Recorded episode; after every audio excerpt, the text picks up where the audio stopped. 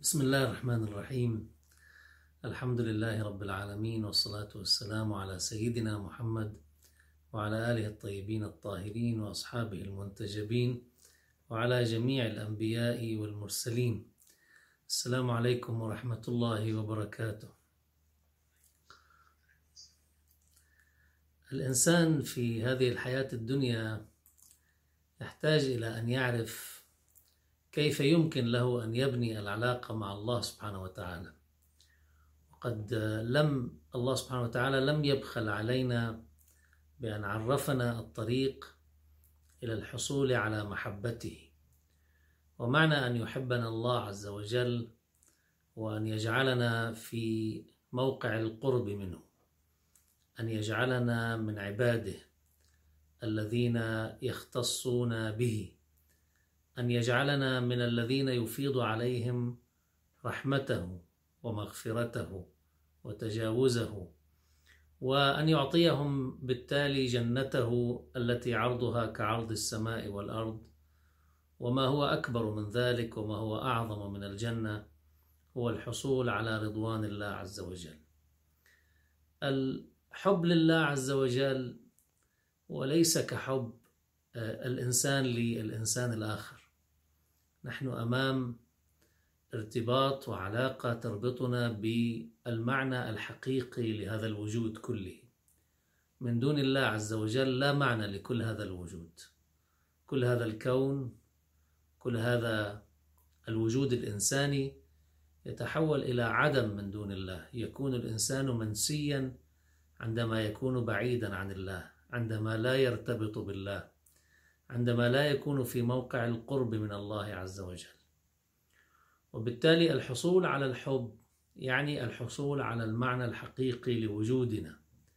لأن الإنسان إنما يكتسب معناه معنى وجوده في هذه الحياة الدنيا من خلال ارتباطه بالله عز وجل من خلال دخوله في الحيز الذي يجعله موجودا حقيقة وليس بعيدا عن عمق المعنى لهذا الوجود كله. هناك بضع آيات في القرآن الكريم لو أحصيناها لوجدنا بأننا أمام تسع مواصفات أساسية لمن يحبهم الله سبحانه وتعالى. وبالتالي عندما نعرف هذه المواصفات ونعرف كيف ننزلها إلى حياتنا العملية فإننا عندئذ نعرف كيف سنحصل على محبة الله سبحانه وتعالى. من أولى هذه المواصفات قول الله عز وجل إن الله يحب المحسنين. وهذا ما لعله العنوان الذي برز في أكثر من آية وربما يكون الأكثر ورودا عنوان المحسنين. ما هو المقصود بالمحسنين؟ كعنوان في حياتنا وكيف يتجلى في واقعنا. هذا الأمر في الحقيقة يرتبط بالمستوى الأعلى الذي يجعل الإنسان لا يعمل فقط الجانب المطلوب منه. هناك موظف في شركة أو في مؤسسة يطلب منه شيء فيعمل ما يطلب منه لا أزيد ولا أنقص. هذا الإنسان هو يؤدي الواجب. هذا الإنسان هو يقوم بتكليفه. هذا الإنسان يقوم بما تقتضيه وظيفته المهمة الموكلة إليه. لكن تجد بأن هناك إنسان وهو يعمل في هذه الشركة أو المؤسسة يحمل هما زائدا على غيره. وليس موظفا يأتي على الدوام ويخرج على أيضا على الوقت المرسوم له وليس مستعدا أن يعطي شيئا من أزيد من ذلك. وأيضا هو لا ينقص شيئا وليس مجرد هذا الموظف الذي علاقته بالشركة أو بالمؤسسة علاقة وظيفة علاقة راتب آخر الشهر علاقة معيشة. هناك إنسان يشعر تشعر بأنه يحمل هم العمل.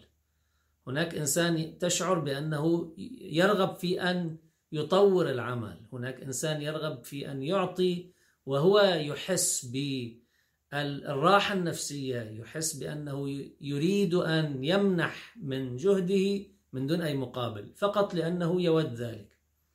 هذا هو الإنسان الذي نسميه محسنا. هناك إنسان إذا هو مستعد لأن يخرج من نفسه للآخرين أزيد مما هو مطلوب منه. ولذلك في بعض الآيات القرآنية التي ورد فيها هذا هذا هذه الجملة أو هذا التعبير إن الله يحب المحسنين عندما يتحدث الله عن الكاظمين الغيظ والعافين عن الناس والله يحب المحسنين. إذا هناك من آه، يكظم غيظه لا ينفعل لا يغضب.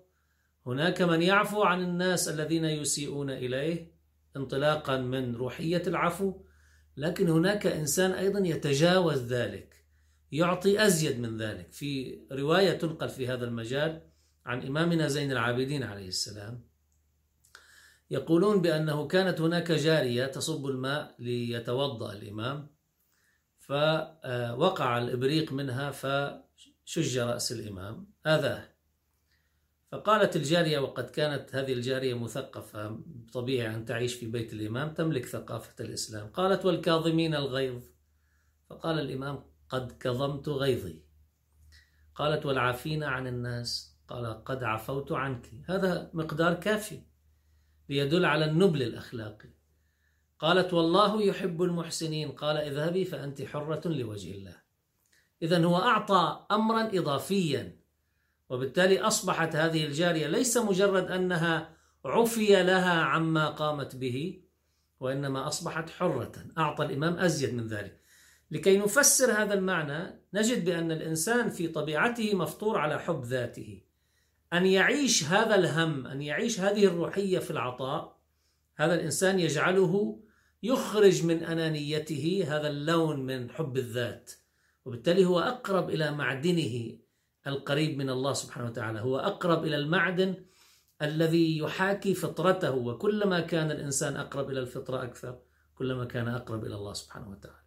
بالتالي يمكن لنا أن نفهم أن الإنسان في حياته إذا أراد أن يحبه الله فلا ينبغي فقط أن يقتصر على الحدود المطلوبة منه وإنما لابد أن يظهر يظهر عليه هذا اللون من حمل الهم هذا اللون من حب الخير هذا اللون من حب إخراج هذه الأنانية في حياته وهذا الذي يجعله يعيش معنا أفضل موقع أفضل في بين الناس في حياته وبالتالي يحصل على آه، محبة الله سبحانه وتعالى. من جملة العناوين التي ذكرها الله سبحانه وتعالى بالحب هو عنوان التوابين. الله سبحانه وتعالى قال إن الله يحب التوابين. لم يقل يحب التائبين وإنما قال يحب التوابين والتواب صيغة مبالغة بحيث أن الإنسان بطبيعته هو خطاء في هذه الحياة يخطئ. ليس معصوما لديه الكثير من نقاط الضعف. الله يحب هذا الإنسان الذي دائما ما يعود إليه دائما ما يفرض على نفسه أن ترجع إلى الله سبحانه وتعالى. طبعا ليس معنى ذلك أنه هو يترك نفسه للمعصية وبالتالي يعصي ويخطئ وينحرف حتى يتوب. هذا يصبح لون من اللعب على على على الذات. يعني كيف بنقول إنسان يضحك على نفسه ومن هذا القبيل. الإنسان التواب هو كثير الرجوع إلى الله سبحانه وتعالى. هو الذي يعني له هذا اللون من العودة إلى الله سبحانه وتعالى العودة إلى الخط المستقيم عندما ينحرف. وبالتالي كلما أضعفته الظروف فإنه يعمل على أن يعيش روحية التوبة بشكل مضاعف بحيث يحسن من ظروفه حتى لا يقع في المعصية من جديد. ويرجع إلى الله رجوعا خالصا لله عز وجل. الله يحب هؤلاء التوابين. الله أيضا يحب المتطهرين. هؤلاء الذين يريدون وينشدون دائما الطهارة. عنوان الطهارة هو عنوان كل شيء نظيف كل شيء صافي كل شيء مشرق. وطهارة يمكن أن نجدها في الجانب المادي. نعرف نحن في الإسلام لدينا الطهارة والنجاسة. الطهارة من النجاسات الخبثية. في شيء بالإسلام بالفقه أيضا الطهارة من الأشياء الحدثية بمعنى الإنسان إذا نام أو إذا قضى حاجته فإنه يتوضأ أو إذا أجنب مثلا فإنه يغتسل وما إلى ذلك. هذا طهارة من جانب معنوي. مفهوم الطهارة هو مفهوم واسع. هؤلاء الذين يحبون يحب الله سبحانه وتعالى يحبهم هم الذين يتطهرون. بمعنى هم ينشدون الطهارة. على المستوى الفكري يريدون أن يفكروا بنظافة بأفكار نظيفة بأفكار خيرة لحياة الناس لحياتهم هم. على المستوى الروحي يتطهرون روحيا بحيث لا يتركون الحياة لكي تدنس هذه الروح وإنما دائما هم يطهرونها. ولذلك الله سبحانه وتعالى حكينا بموضوع التطهر هنا عن المساجد. فيه رجال يحبون أن يتطهروا والله يحب المطهرين. بمعنى أن هؤلاء الذين يذهبون إلى المساجد من أجل أن يتطهروا فكريا ومن أجل أن يتطهروا روحيا ومن أجل أن يتطهروا أخلاقيا. هذا هو المعنى الثالث أو العنوان الثالث الذي يحبه الله سبحانه وتعالى. من جملة العناوين أيضا العنوان الرابع هو التقوى. إن الله سبحانه وتعالى فإن الله يحب المتقين. إن الله يحب المتقين. في أكثر من آية أيضا ورد فيها هذا الحب لهؤلاء المتقين. والتقوى هي الاستقامة التي ترتكز إلى خوف الله سبحانه وتعالى. إلى الإحساس بعظمة الله عز وجل حتى تمتلئ نفس الإنسان بالشعور بعظمة الله عز وجل. فلا يعود الإنسان يقبل على أن ربما يشفي حاجته ولو كانت في خط سخط الله سبحانه وتعالى وغضب الله. ولذلك فسرت التقوى بأن الإنسان لا يجده الله حيث نهاه لا في الفعل الحرام لا في المكان الحرام لا في السلوك الحرام لا في العلاقات الحرام لا في الكلمة الحرام. لا يجده الله حيث نهاه ولا يفقده الله حيث أمره. بالمكان اللي الله أمرنا نكون فيه بشهر رمضان في الصائمين نحن في أوقات الصلاة نحن في المصلين في حال الاستطاعة للحج نحن في الحجيج في حال دفع المال فنحن أيضا في المزكين أموالهم وهكذا. وبالتالي الله لا يفقدنا من هؤلاء.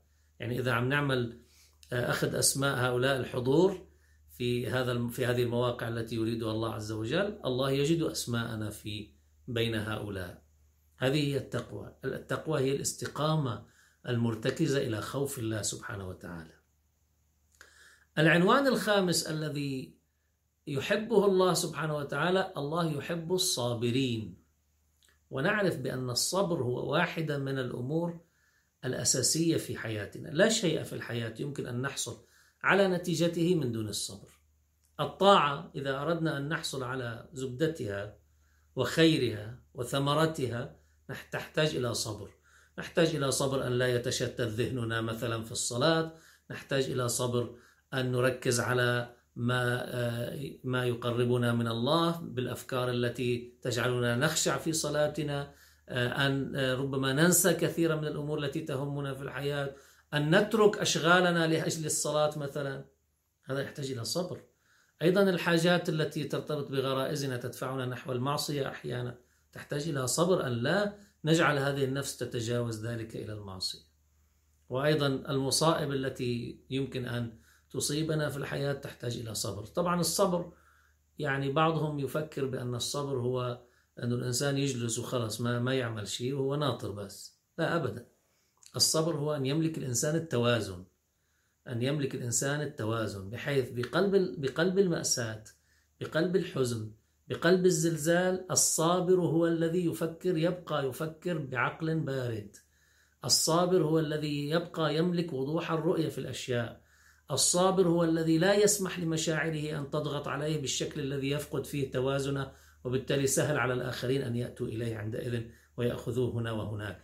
الصابر هو الذي لا يسمح لنوازعه الذاتية لغرائزه وشهواته لا يسمح لها بأن تنحرف به عن الطريق بل يبقى يعرف ما هو ما الذي يرضي الله وما الذي يغضب الله. هذا هو هذا هو الصابر. الصابر إذا هي تعبر عن حالة نفسية يملك فيها الإنسان الاستقرار، السكينة، الطمأنينة في أشد حالات الاهتزاز، في أشد حالات الألم، في أشد حالات الحرمان، في أشد حالات التعب، الإنسان صابر على ما يريد ما يريد الله سبحانه وتعالى. ولذلك لما الله بيقول إنما يوفى الصابرون أجرهم بغير حساب، لماذا؟ لأن هذه النفس في داخل قلب الإنسان نفس الإنسان أصبحت بعيدة عن التأثر بكل ما حولها حتى بعيدة عن التأثر بما هو في داخلها مركب فيها. ولذلك يوفى الصابرون أجرهم بغير حساب. قد ورد عن إمامنا الجواد عليه السلام كل أعمال البر بالصبر يرحمك الله. لا عمل يمكن أن نقوم به إلا من خلال الصبر. أيضا من جملة العناوين التي يحبها الله سبحانه وتعالى التوكل. إن الله يحب المتوكلين. بالحياة لدينا أمور تحت سيطرتنا الله سبحانه وتعالى أمكننا منها وبالتالي نعمل ما علينا. يعني الإنسان يريد أن يدرس آه، يقوم بما عليه. في عنده مواد يدرسها في عنده أعمال بعض التطبيقات يطبقها ويتمرن عليها وما إلى ذلك. يعمل ما عليه هذا الإنسان. ولكن تبقى أحيانا أمور مجهولة لنا. أمور مجهولة لنا. فهذه الأمور المجهولة يحتاج الإنسان إلى أن يكون متوكلا فيها. معنى أنه متوكل يعني أنه يقدم ثقته بالله سبحانه وتعالى لتكون هي التي تعطيه الطمأنينة تجاه المستقبل المجهول لديه. في كثير من الأحيان نحن نخطط جيدا نقوم بأداء ربما ما علينا تجاه الأدوات التي نملكها في أي أمر من الأمور درس شغل عمل. في مثلا الآن إذا إذا عندنا مشكلة أو مصيبة أو ضائقة اقتصادية أو حالة ضغوطات سياسية وما إلى ذلك وأمنية الآن يعيش الإنسان القلق. ما الذي يخبئه المستقبل؟ ماذا سنصنع؟ إذا انهارت العملة الوطنية ماذا سنصنع؟ إذا انهار الاقتصاد الوطني ماذا سنفعل؟ التوكل على الله هو يجعلنا نقوم بما علينا. الآن ما الذي بين أيدينا؟ نقوم بما علينا. المجهول الآتي نحن نتركه الآن بين يدي الله عز وجل. نحسب له حساباته التي بين أيدينا اليوم. لكن ما دام في أمور ليست بأيدينا ماذا نفعل؟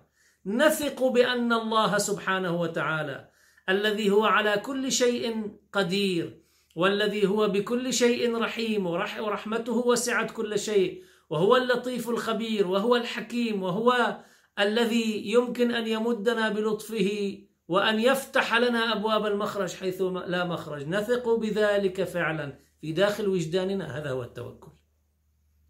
ولذلك الله سبحانه وتعالى حكينا عن التوكل بسورة الطلاق. ماذا قال؟ ومن يتق الله يجعل له مخرجا ويرزقه من حيث لا يحتسب. فاذا لما بيقلنا يحب المتو... يحب المتقين فإذا نحتاج إلى تقوى. حتى يأمن لنا الله مخرج تعمل أيها الإنسان ما عليك لكن تعمل ما عليك فيما يرضي الله عز وجل. مش بنعمل ما علينا وبنروح بنزت حالنا بأحضان هذا الزعيم وذاك الزعيم وهذه الجهة وتلك الجهة. لا بضل عندنا توازننا بضل عندنا تقوى الله سبحانه وتعالى. إذا ما نروح نتدين من هذه الجهة الدولية أو تلك في عندنا شروطنا. بيقول لك واحد أنت قادر تفرض شروطك؟ إيه أنا متقي الله سبحانه وتعالى. بلى أنا مستعد أتحمل الجوع والحرمان لكن لا أتحمل أن تداس على تداس كرامتي أن لا أن أذل أمام الآخرين. ولذلك أنا أتقي الله هنا وأعرف أنا ما أريد. طيب عملنا اللي علينا. ومن يتق الله يجعل له مخرجا ويرزقه من حيث لا يحتسب. مش من حيث يحتسب من حيث لا يحتسب. يعني من المكان اللي أصلا مش متوقع. هلأ فعليا الآن نحن نعيش في بلداننا أزمات اقتصادية وانهيارات متوقعة وما إلى ذلك. أنه بيتخيل الواحد منا أن يكون لديه ثقة بأن الله سبحانه وتعالى إذا ما اتقينا إذا فعلا احتكمنا إلى ما يريد الله عز وجل أنه عن جد الله بيفتح لنا باب في المستقبل. يهيئ لنا الأسباب من حيث لا ندري. إحنا هلأ بين أيدينا بنقول ما في شيء.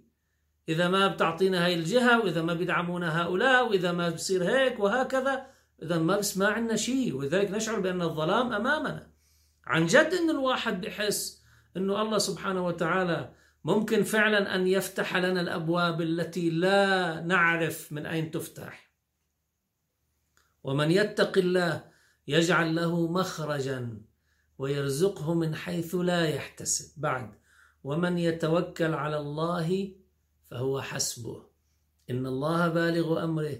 قد جعل الله لكل شيء قدرا اللي بيتوكل على الله الله بخليه لنفسه. إذا هو حسبه. ما بحيجك الله عندئذ لأحد آخر. لكن توكل حقيقي بده فعليا إنه يحسه الإنسان.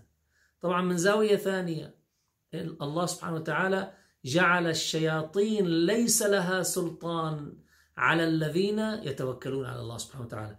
إنه ليس له سلطان على الذين آمنوا والذين هم على ربهم يتوكلون. مضمون الآية. فإذا التوكل أيضا هو من العناوين التي يحبها الله سبحانه وتعالى. لكن أن يجد الإنسان نفسه فعلا أنه يثق بالله عز وجل بهذا المستوى هذا أمر يحتاج إلى التربية يحتاج إلى ارتقاء في الإيمان. وهذا أمر مش بالسهل يحصل على الإنسان. أن يكون الإنسان بما في يد الله. يعني الحساب اللي عند الله سبحانه وتعالى بيوثق فيه الإنسان أكثر من حسابه بالبنك. هلا عمليا لو رجعنا لأنفسنا كلنا سوا بتلاقي حاله لا. إذا ما عنده حساب بالبنك بلاقي حاله مش واثق من مستقبله. فعليا أن يصل الإنسان إلى مستوى أن يحس بأنه بما في يد الله هو أوثق مما في يده هو. بالحساب البنك الفلاني وبالدولة الفلانية والجهة الفلانية اللي تدعمه هون وهون وهكذا. أن نثق بالله عز وجل. إذا التوكل هو ليس فقط الاعتماد على الله وإنما هو الاعتماد مع الثقة بالله سبحانه وتعالى. من جملة العناوين أيضا التي وردت هو أن الله يحب المقسطين. القسط هو العدل. والمساء بأنه هذا الأمر الله سبحانه وتعالى حاكي فيه عن بأكثر من مجال حاكي فيه بمجال القتال وأنه أنت بس بدك تروح تصلح أنت حتى لو اضطريت أنك أنت يعني تناصر جهة على جهة لحتى تخلي الجهة الثانية ترجع إلى رشدها.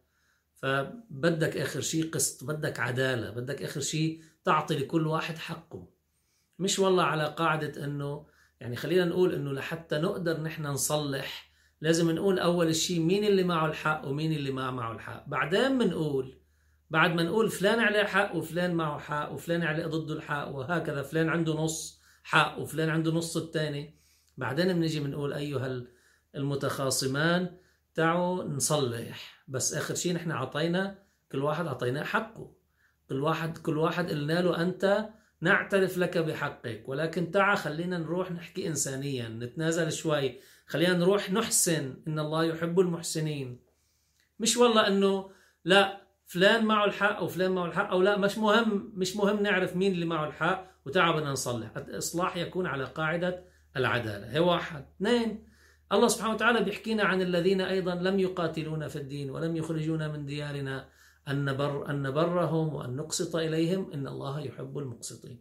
بمعنى علاقتنا مع الآخرين الذين هم مسالمون ولا آه، ولا يعتدون علينا. لابد أن نقسط معهم بأن يكون ميزاننا ميزان العدالة معهم. هذا أيضا أساسي في حياة الإنسان في كل شؤون حياته. طبعا بالقسط بدك تكون مقسط مع الأقربين. لو بدك تحكم ضدهم بدك تكون مقسط أنت.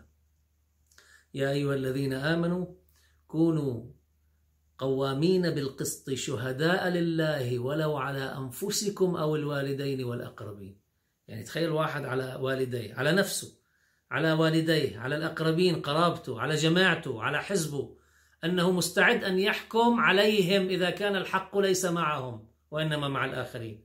هذا القسط لما بيكون عندك قسط أيضا الله تعالى يقول كونوا قوامين لله شهداء بالقسط. ولا يجرمنكم شنآن قوم على ألا تعدلوا. اعدلوا هو أقرب للتقوى. يعني أنت لو عدوك لو الإنسان اللي بتبغضه الإنسان اللي مصلحتك ضده الإنسان اللي معتدي عليك سابقا أيا يكن أنت في مشكلة بينك وبين هذا الإنسان. أنت مستعد وتملك روحية أن تحكم بالحق والعدل له حتى على حساب مشاعرك وأحاسيسك. تخيل هذا هذا اللون من القسط قديش بده تجرد. الله بحب المقسطين. مش والله إنه هيك مجرد فكرة والله نحن نعدل لا. فعلا أن أن يكون الإنسان لديه تربية لشخصيته لنفسه بحيث لو وقف أمام أبيه وأمه وأمام الآخر اللي له حق عليهم أن يحكم ضد أبيه وأمه لمصلحة الآخر. ولو وقف مع صديقه وعدوه بين صديقه وعدوه وعدوه كان معه الحق أن يحكم لعدوه على صديقه. هذا قديش بده تجرد. وأيضا من الأمور التي يحبها الله سبحانه وتعالى من العناوين التي يحبها الله هو هذا التماسك الذي يجب أن يكون لدينا في كل مجالات الحياة. لكن وردت الآية في خصوص الحرب لكن هي الفكرة المبدأ. إن الله يحب الذين يقاتلون في سبيله صفا كأنهم بنيان مرصوص. كيف هذا البناء ال... الذي ليس فيه أي ثغرة ينفذ من خلالها الآخرون؟ بالحياة الاجتماعية هيك لازم نكون بالحياة الاقتصادية هيك لازم نكون بعلاقاتنا فيما بيننا هيك لازم نكون بحياتنا السياسية هيك لازم نكون أن نكون وحدة بحيث لا نسمح بأن تكون هناك ثغرات. بالقتال العسكري أيضا بالقتال السياسي والقتال الاقتصادي والاجتماعي وما إلى ذلك. هذا من العناوين التي يحبها الله سبحانه وتعالى. من جملة القواعد الأساسية لكي نحصل على محبة الله كعنوان عام يمكن أن يجمع كل هذه العناوين الله تعالى يقول قل إن كنتم تحبون الله فاتبعوني يحببكم الله ويغفر لكم ذنوبكم.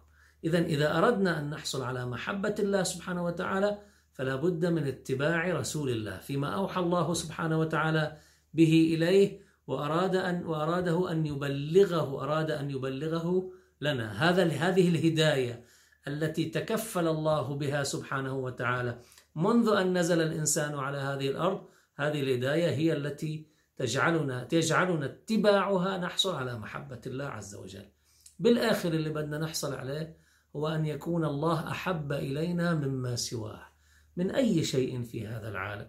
الله بيقلنا بيحكينا عن بعض الناس ومن الناس من يتخذ من دون الله أندادا يحبونهم كحب الله بيحبوا مثل الله. والذين آمنوا أشد حبا لله. هذا هو المستوى الذي إذا حصلنا عليه فنحن نحصل على حب مقابل من الله سبحانه وتعالى بما يجعل حياتنا بعيدة عن بعيدة عن القلق بعيدة عن التوتر مليئة بالأمن وأيضا مليئة بالسعادة بعيدة عن الحزن لا خوف عليهم ولا هم يحزنون. هذه بعض العناوين التي الله سبحانه وتعالى أراد من خلالها أن يعرفنا من الذي يحب.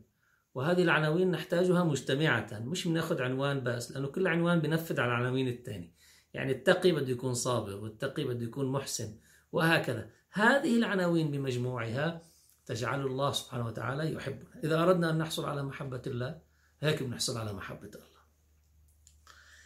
Now let me uh, uh, give the brief in English. Allah subhanahu wa ta'ala declared in the Holy Quran that He loves uh, many categories of people. The first category is that Allah subhanahu wa ta'ala yuhibbul muhsinin. Allah loves the doers of good. And Allah subhanahu wa ta'ala loves those who are considered or loves the beneficent.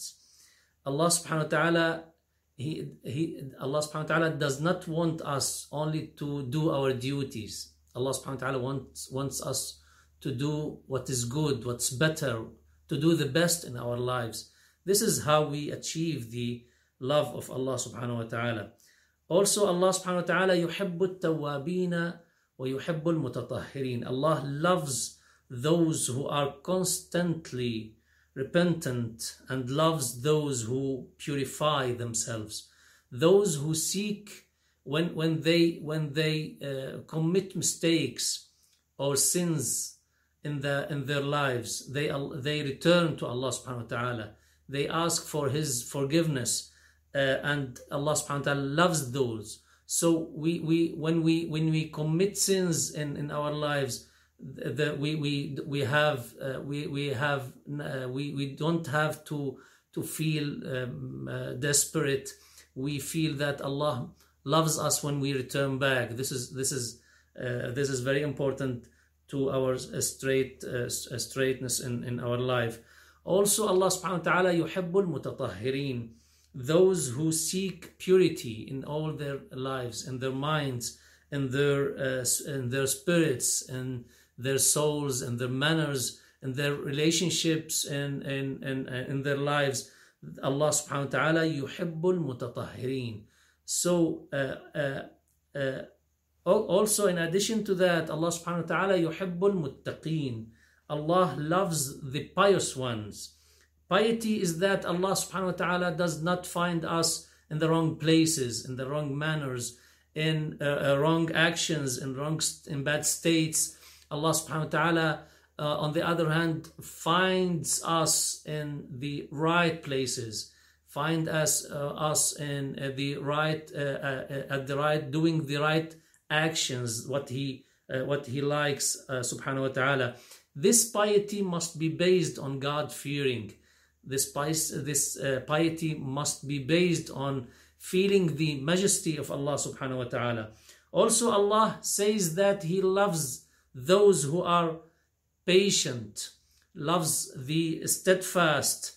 Allah subhanahu wa ta'ala, those who have patience, those who have balance in their, in their lives, if they face the their instincts or they face maybe disasters in their lives, they feel that they are still feel comfort and they uh, they are uh, they they are uh, they they uh, they stand on a very very uh, strong uh, ground so they they could look toward what they are what they should do in order to overcome these these difficulties Allah subhanahu wa ta'ala also yuhibbul mutawakkilin Allah loves those who rely upon him, loves those who put their trust in him. So uh, here, tawakkul, it is a combination uh, between two uh, two meanings actually. The first is to rely on Allah upon Allah subhanahu wa ta'ala, and the second one is to trust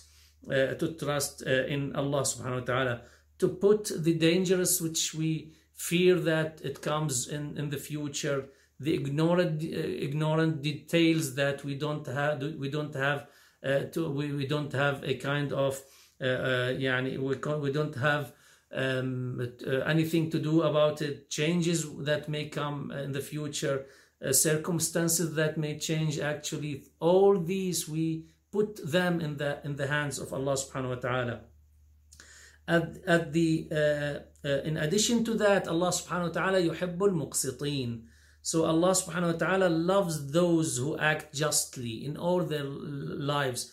They do not act justly only with uh, uh, with what what they what they love in, in their life. Maybe they they may rule against their fathers, their mothers, their their relatives. This is this is just uh, in our life. They they are just also with their enemies. So if their the right is uh, is uh, at the side of uh, their enemies. They, they do not hesitate to rule justly in that case. Allah subhanahu wa ta'ala also يحب الذين يقاتلون في سبيله صفا كأنهم بنيان مرصوص.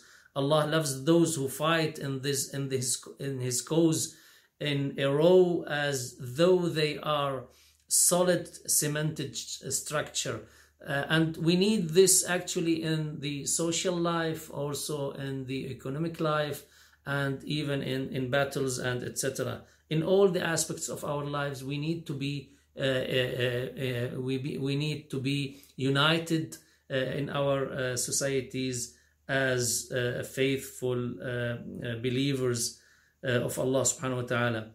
قل إن كنتم تحبون الله فاتبعوني يحببكم الله. If you love Allah, then follow me. Allah will love you and forgive you your faults. So this this also is the way or the path that we can uh, get or achieve the uh, love of Allah subhanahu wa ta'ala toward us. Uh, so uh, it, it is based on following the instructions of the Prophet wasallam and what uh, is revealed in the Holy Quran.